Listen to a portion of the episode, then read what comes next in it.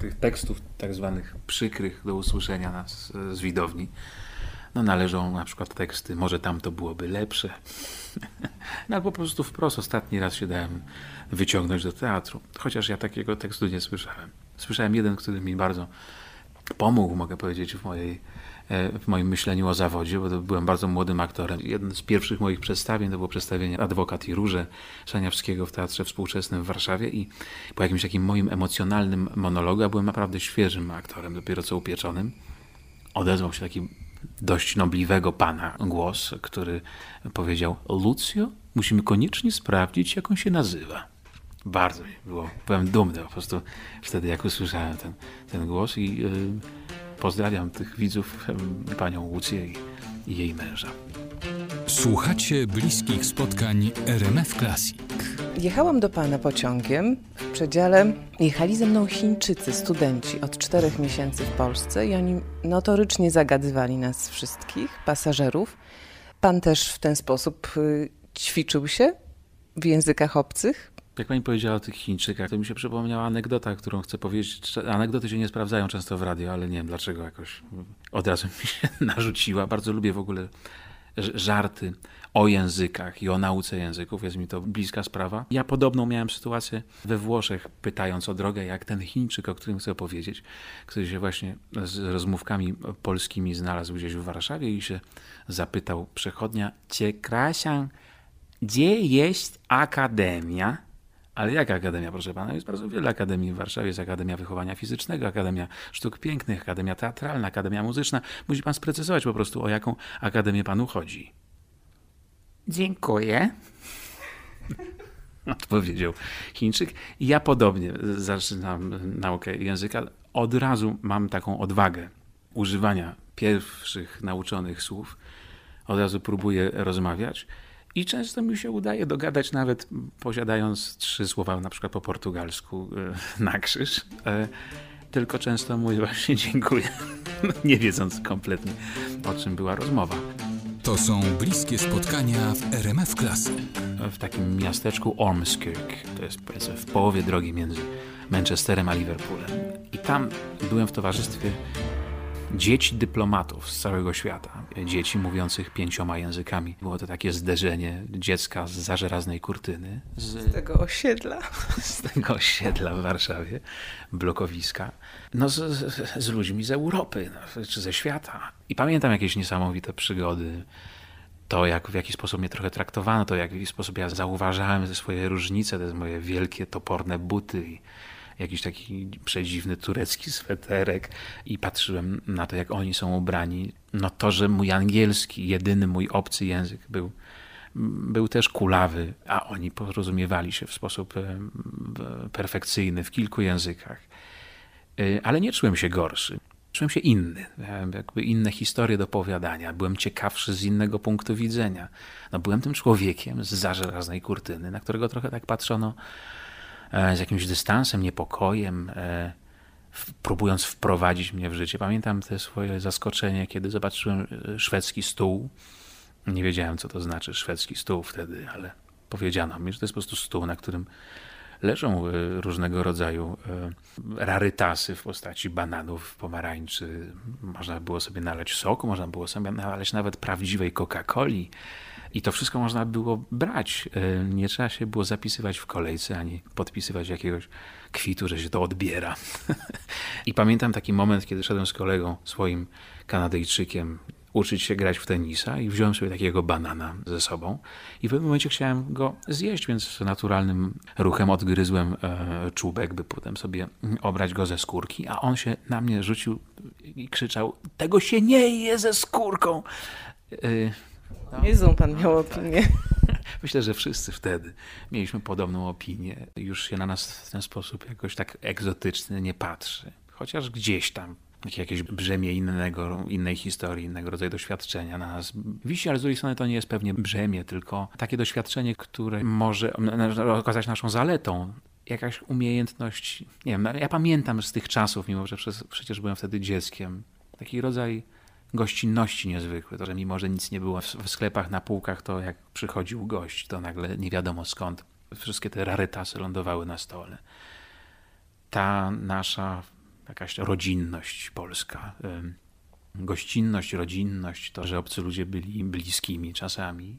I na pewno umiejętność kombinowania, tego, że z niczego można zrobić coś. Ja uważam, że to jest też głównym powodem, dla którego polscy operatorzy robią tak niesamowitą karierę na Zachodzie, że potrafią odkryć jakieś najprostsze rzeczy nie potrzebują wyjątkowych elektronicznych gadżetów do tego, by stworzyć jakiś efekt obrazu. Chodzi o taką kreatywność, prawda? Kreatywność, otwartość. No, czasem naciągając pończochę mogą zrobić efekt, który Amerykanie robiliby za pomocą jakiejś... Nie, no, żartuję oczywiście, to jest przedziwne porównanie, ale to, co my potrafimy y, zrobić za pomocą pończochy, sznurka i, i skocza teraz już, tego nie potrafią na pewno ludzie Zachodu w takim stopniu no to już jesteśmy z powrotem ludźmi Zachodu i zapominamy o tym, ale gdzieś tam umiejętność przeżycia w trudnych warunkach tam pozostała. Jakby pan miał policzyć, ile pan już lat jest na scenie od swojego debiutu, takiego jeszcze, no nie wiem, czy można to amatorskim nazwać, bo w końcu jednak pod opieką bardzo dobrą państwa machulskich, prawda? No to wiele lat to już jest.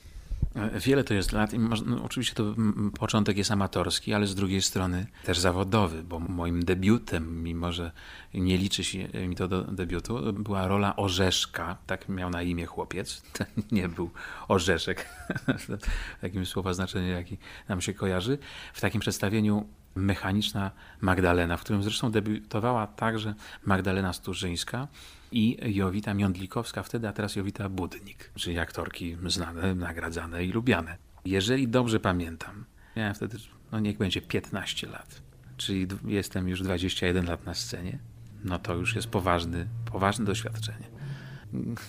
Ciekaw jestem, jakbym siebie zobaczył teraz, jak, jak ja to wtedy grałem, pewnie bym powiedział, że jakiś straszny, nieprawdziwy szczeniak się tam miota po scenie i tak się strasznie emocjonuje. Pamiętam jakąś taką kwestię, po której widownia się śmiała. Mhm. Ja strasznie byłem na to zły, bo ona mówiła mi, czyli ta Jowita albo Magda, bo na zmianę grały te role mechanicznej Magdaleny. Mówiła mi, jaki ty blady jesteś. Tymczasem widownia śmiała się, reagując na rodzaj no, przekłamania scenicznego, bo ja byłem wtedy koloru tego mikrofonu, a powiedzmy Państwu, którzy nas słuchają, że ten kolor tego mikrofonu jest niezwykle czerwony. Jak pan w ogóle wtedy wyglądał? taki szczypior trochę, no, z wielkimi wypiekami czerwonymi na twarzy. Miałem wtedy jeszcze burzę blond włosów, e, taki trochę na popersa uczesany, dużą grzywę. No i byłem niezwykle chudy, e, taki patykowaty e, i tymi patykowatymi rękami niezwykle machałem i bardzo się emocjonowałem wszystkim, co miałem przedstawiać na scenie. Pani Halina Machulska wyreżyserowała nas w takiej przedziwnej rzeczy. Miejsce akcji to była sala sądowa scena teatru Ochoty znajdowała się tak, że, że widownia właściwie mogła obserwować widownię, która siedziała na, po przeciwnej stronie sceny. I na tej widowni usadziła dzieci z ogniska teatralnego i mieliśmy tak naprawdę tworzyć wrażenie sali sądowej poprzez to, że widownia obecna na sali sądowej reaguje żywo na to, co się dzieje na scenie. Więc mieliśmy takie porozdzielane teksty pod tytułem To oburzające, wyrok jest niesprawiedliwy, sędzia y, nie ma racji i tego typu wstawki. Jak przychodził ten moment, kiedy mieliśmy się odzywać w ten sposób, ja byłem strasznie zdenerwowany i bardzo się wstydziłem ponieważ za każdym razem, kiedy swoim cienkim głosem przed mutacją krzyczałem to oburzające, albo inny z tych tekstów, to ktoś z widzów się odwraca i mówi, co ty pierwszy raz w teatrze jesteś cicho, no jak to się zachowujecie? Ale pan lubił to zajęcie. Znalazła informację o tym, że to był taki sposób pana na to, żeby przełamać nieśmiałość? Wrodzoną? Mogę powiedzieć, że to jest ten sposób wciąż działa. ja, ja wciąż tę jakąś tam nieśmiałość e, przełamuje i nie jestem w tym osamotniony. Wielu aktorów wybrało pewnie ten zawód w związku z tym, że chcieli się sprawdzić, pokonać jakieś swoje ograniczenia. Ja, no tak głupio może zabrzmi tak się przyznawać przed mikrofonem do tego i później jeszcze to opiszą w jakichś podlejszych magazynach, a potem jeszcze podlejszych portalach. To zawsze jest naj, najgorzej, że gdzieś wypowiada się człowiek y, dla jakiegoś grona, mm, któremu chce coś powiedzieć, a potem to grono się niestety okrutnie zwiększa. jest jeszcze komentowany. No ale się przyznam, no ja y, ja tego rodzaju wstyd jakiś tam w sobie y, posiadam i I do dzisiaj, wybierając miejsce gdzieś w jakimś miejscu publicznym, wolę mm, usiąść gdzieś za kolumną na końcu, w ostatnim rzędzie schowany. Uprawiam zawód wbrew moim warunkom, tak, mógłbym powiedzieć. Znaczy być może wbrew wyobrażeniu ogólnemu o tym zawodzie. Aktorzy nie muszą być e, tupeciarzami, by być aktorami. Mm, Jestem, e, myślę, na to dowodem wraz z naprawdę ogromną, ogromną grupą moich kolegów. Wracając do takiej prozy ba- bardzo przyziemnej życia i tych plotków różnych, bardzo zainteresowała mnie wiadomość o ospie wietrznej, którą pan przeszedł dosyć niedawno. Na to chorują dzieci, skąd pan to wziął? No to, to świadczy o tym, że ja to swoje dziecko w sobie pie- pielęgnuję niezwykle. Uważam, że w ogóle aktorzy są dziećmi, powinni mi- nimi zostać jak najdłużej.